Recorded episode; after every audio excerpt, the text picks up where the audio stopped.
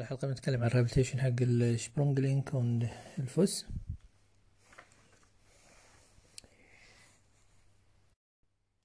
تو اف فيكس ان فور لاتسونج هادي است اوبراتيف فور زوغز انت مليورر مليولا فراكتورن بيلون تيبيال فراكتورن روكفوس فراكتورن فورفوس فراكتورن ورابتور دير عكيل الزينة. Postoperativ, die Versorgung ist äh, unter Schinkelkast oder Orthese-Stiefel vor 6 bis 12 Wochen mit äh, Teilbelastung mobilisiert. Bei konservativer Versorgung der Mariola-Fraktur wird ein äh, Unterschenkelkast vor 6 Wochen mit Teilbelastung angelegt. Bei operativer eine Orthese Steifelvokaped vor 6 Wochen mit Teilbelastung und der frühfunktionale Nachbehandlung. Mit Pilon-Tibial-Frakturen entweder Unterschenkelkast oder Orthesestiefel für Koped vor 6 bis 12 Wochen und Teilbelastung. Bei äh, Rückfußfrakturen, die, äh, wie die Talusfraktur, die ist selten. Bei konservativer äh, Versorgung, Entlastung des Betroffenen vor 6 bis 12 Wochen mit einem äh, Unterschenkelkast. Bei Calcanus-Frakturen nach der Ab äh, Abschwellung äh, mit äh, Fersenentlastung Orthese voll belastet so, äh, wird, mit dem Ziel zum frühfunktionellen Nachbehandlung. Vollbelastung ohne Orthese wird abhängig von der Weichstahl- und Fraktursituation nach äh, 6 bis 12 Wochen erreicht. Die Vorteile von der Orthesen ist die Bepflege und die aktiven Physiotherapie. Bei Arthrosen in die äh, Sprunggelenk kann man äh, eine Orthese machen, äh, also auch ein OSG-Endoprothese. Die Vorteile für die Orthidese, äh, für die Orthidese ist ähm, die Schmerzfreiheit, wenn die biomechanisch sind vorhanden und äh, nicht schwer arthrotisch Veränderung gewesen. Bei OSG-Endoprothese bei jungen Patienten, die Erwartung ist sehr hoch äh, und die minimal äh, invasiv äh, Technik erlaubt eine frühe Rehabilitation und bessere Funktionalität. Bis zur Wundheilung kann der Sprunggelenk in eine Orthese und ein äh, zwei Unterarm-Armstütze teilbelastet. Äh, bei, äh, zum Übergang auf Vollbelastung unter äh, Stabilisation-Sicherung mittels der Orthese.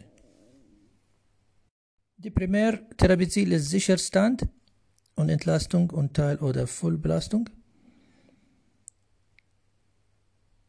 Und bei Diagnostik und Überprüfung des Gangs wird operative Möglichkeiten äh, her, äh, herangezogen. Ähm, und hier differenziert man zwischen Standphase und Gehphase. Die Gangbild bei Verletzung des Fußregion im Mittelpunkt des therapeutischen Handels die optische Unterstützung mittels Spiegeln und äh, Eigenkontrolle, Laufband, Pitoskop, Balancegeräte, Propriomed, Propriomed, videodokumentierte Ganglienanalyse und Analyse sind äh, unterstützende äh, Möglichkeiten.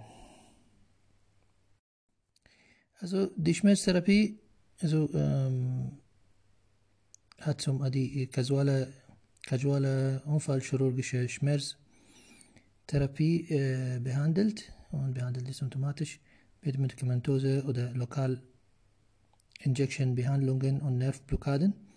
Auch speziell präferieren Tendokapsulären und Tendomyotischen behandelt mit äh, Local äh, Anästhesie und Cortison Application. Und Manual Mobilization äh, bei Hilfe die äh, chiropraktischen Techniken und auch die Anwendung von Tanz, äh, Tanzgerät. Die Pflege sind wichtig, äh, auch in der Frühphase bei der Lagerung der unteren Extremitäten zu vermeiden die Druckolkos mit Abpolsterung der Ferse und die Knochen.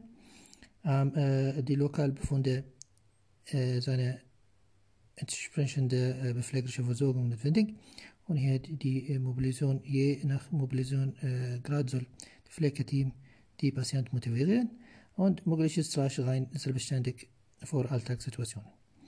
Die Physiotherapie äh, enthält äh, Krankengymnastik und physio physikalische Therapien und nimmt die große Teil der rehabilitischen Programm. Ähm, hier steht im Vordergrund die, äh, äh, die, Ab die Aufbau der Funktion des Fußgewölbes, äh, äh Fußgewölbes ähm, und die, äh, mit Hilfe der aktiven und passiven Anteil der physikalischen Therapie. Bei der G-Phase äh, und auch bei Teilbelastung der Fuß äh, muss die äh, Kräfte ähm, und die verbessert werden. Die verschiedenen äh, Kraftvektoren äh, der äh, Gelenk, der Gelenken. Ähm, infolge der Ruhestellung gibt es eine ausgeprägte Ödem- und Ödemneigung. Und von daher äh, in die Frühphase braucht man äh, eine resorptionsfordernde Maßnahmen wie äh, leicht Hochlagerung der Extremität, Aktivierung durch Muskelpumpe durch Bewegen und Obersprunggelenk, im Obersprunggelenk, isometrische Anspannung der Fußsohlen, ähm, im Second-Kontakt gegen Widerstand ähm, und manuelle Lymphdrainage. Die Voraussetzung äh, immer ist die Übungsstabilität. Bei Schmerz äh, äh, von Seiten der Physiotherapie äh, auch äh, man kann also schmerzlindernde Maßnahmen durchführen und für hier äh, ist die Weichteiltechniken äh, wie ausreichend Funktion, Massagen im Bereich des äh, M. tibialis anterior und M. triceps surae und die M. pronius und äh, passiv äh, Durchbewegen des Gelenks ähm, und die äh, Kurzzeit-Cryotherapie äh, wirkt äh, wichtig. Ähm, die Aufdehnung des äh, Fußquergewölbes mittels äh, Manuelltechnik äh, Technik ist äh, in die äh, Frühphase äh, wichtig. Ähm, auch wichtig hier in die äh, Frühphase ist die Spitzfußprophylaxe mit isometrischen Anspannung, Bewegung in die Dorsal Extension ähm, unter Beachtung der Lagerung. Die Aktivitetsbewegung im Kniegelenk, äh, vorsichtig manuell Therapie des Vorfuß. Äh, es ist immer auch ähm, zu achten die äh, Gelenkmobilität. Wenn Schmerz und Ödemneigung ähm, abnehmen, kann man äh, beginnen mit der Mobilisation und hier die Anwendung von Manuelltechniken nach äh, Kaltenborn und äh, Evient oder Midland mit Techniken wie Traktion, Oscillation äh, und äh, Compression Therapie, äh, Gleittechniken aktiv bewegen im äh, schmerzfreien Bereichen. Mobilisation der Tibia nach ventral zur Verbesserung der Dorsalflexion. Kräftigung der nicht Betroffenen ist wichtig. Training in Einbeinstand auf der nicht betroffenen äh, Extremität, äh, um das Haltens das Gleichgewicht äh, zu üben. Auch ist notwendig, die Oberkörper und Arm zu therapieren mit Hilfe die ähm, also Abduktion äh, Training äh, mittels die Theraband. Äh, bei traumatischen Fußverletzungen mit diffus persistierender Beschwerdebild äh, muss man äh, auf komplexen äh, regionalen Schmerzsyndrom äh, denken, wie auch die BTPS. Äh, CRPS Type 1, Type 1 ist ähm, keine peripher traumatische Nervläsionen, kommt häufig vor alles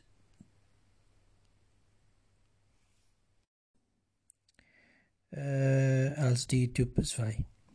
Postoperativ 80%, äh, 81% neigen zum Ödembildung und ähm, die Tiefbeinvenenthrombose muss ausgeschlossen.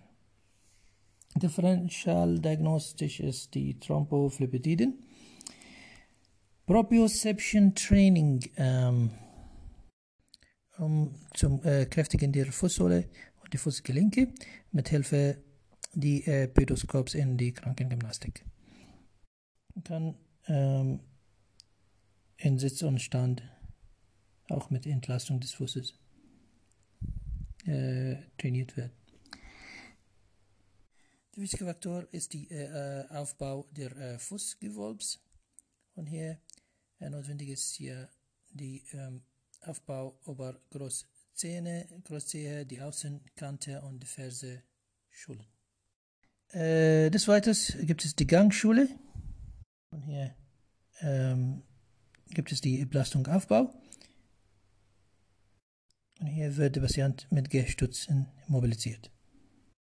Und das richtet, äh, richtet sich äh, nach die äh, Schwingung, Schwungbein und die Standbeinphasen. Bei dem Programm auch äh, wichtig ist die Krankengymnastik im Wasser äh, mit Benutzung die hydrostatischen Druck ähm, und ihre Kompression auf die Extremität und Benutzung die äh, Auftrieb zur Gewichtsentlastung. Und dies kann äh, verstärkt durch ein äh, spezielles Schwimmwissen. Um den Patienten ein Gefühl für die Höhe der Belastung äh, fühlen, kann man also äh, die Schulung auf dem Balancegerät äh, ähm, bei äh, vollkommener Entlastung zuerst im Sitzen mit langsamem Übergang in den Stand. Bei Fällen dieser Maßnahmen kann man auch äh, bei normalen äh, Waage geübt werden. Die zweite Schritte hier ist die Gangschulung zum äh, Gleichgewicht, äh, Vermittlung und Sicherheit beim Gehen.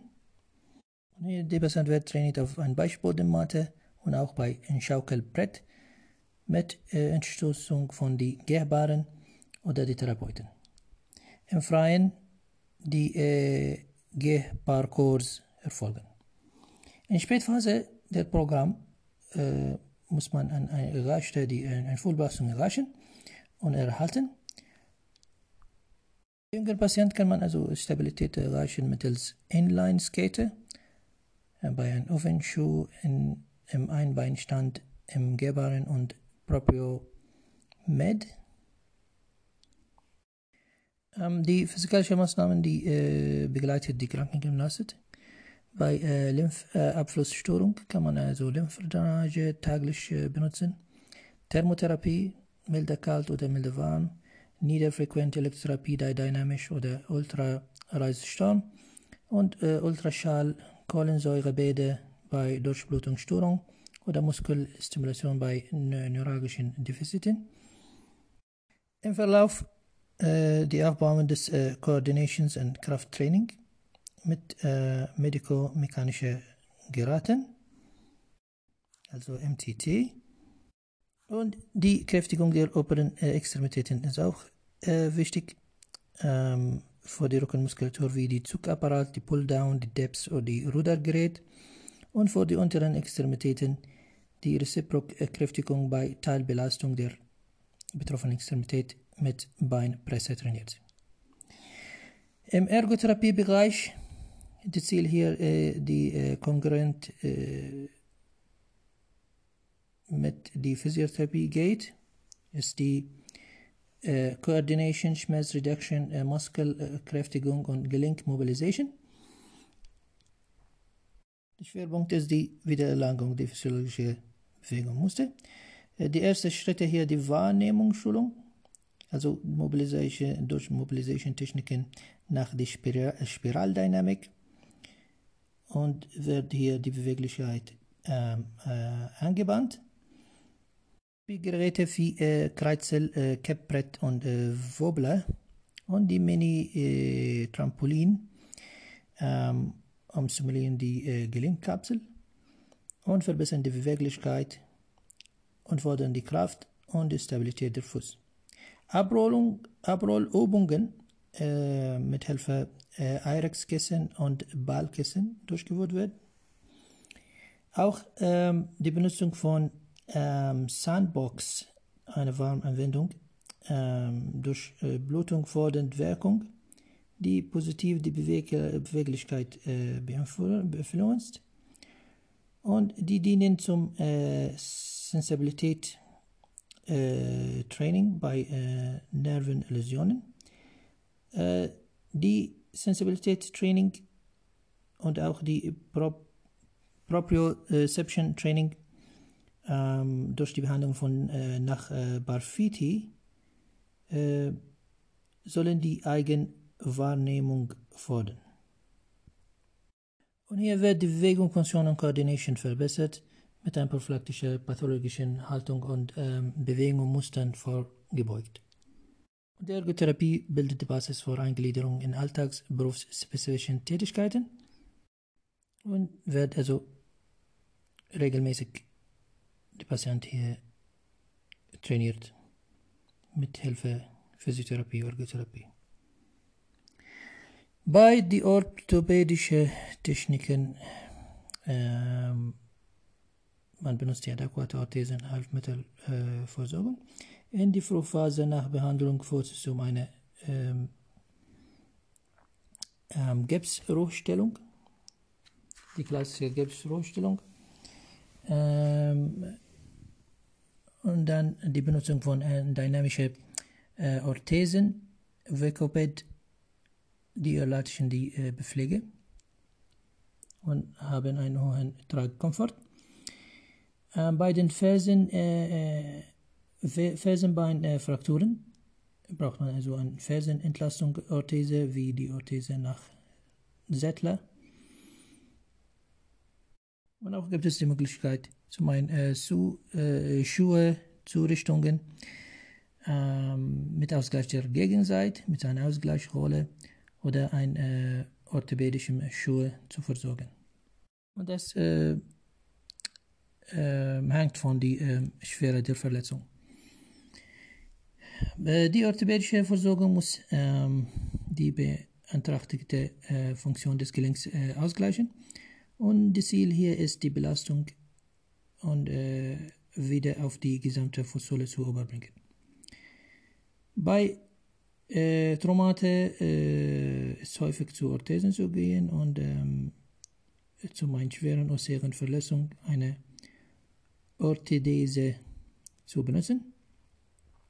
Bei der Obersprunggelenk hier äh, bei Gelenkarthrose äh, kann man also ein Abrollschuhe mit einem Pufferabsatz, Mittelfußrolle und Stecker äh, Absatz äh, zu kriegen.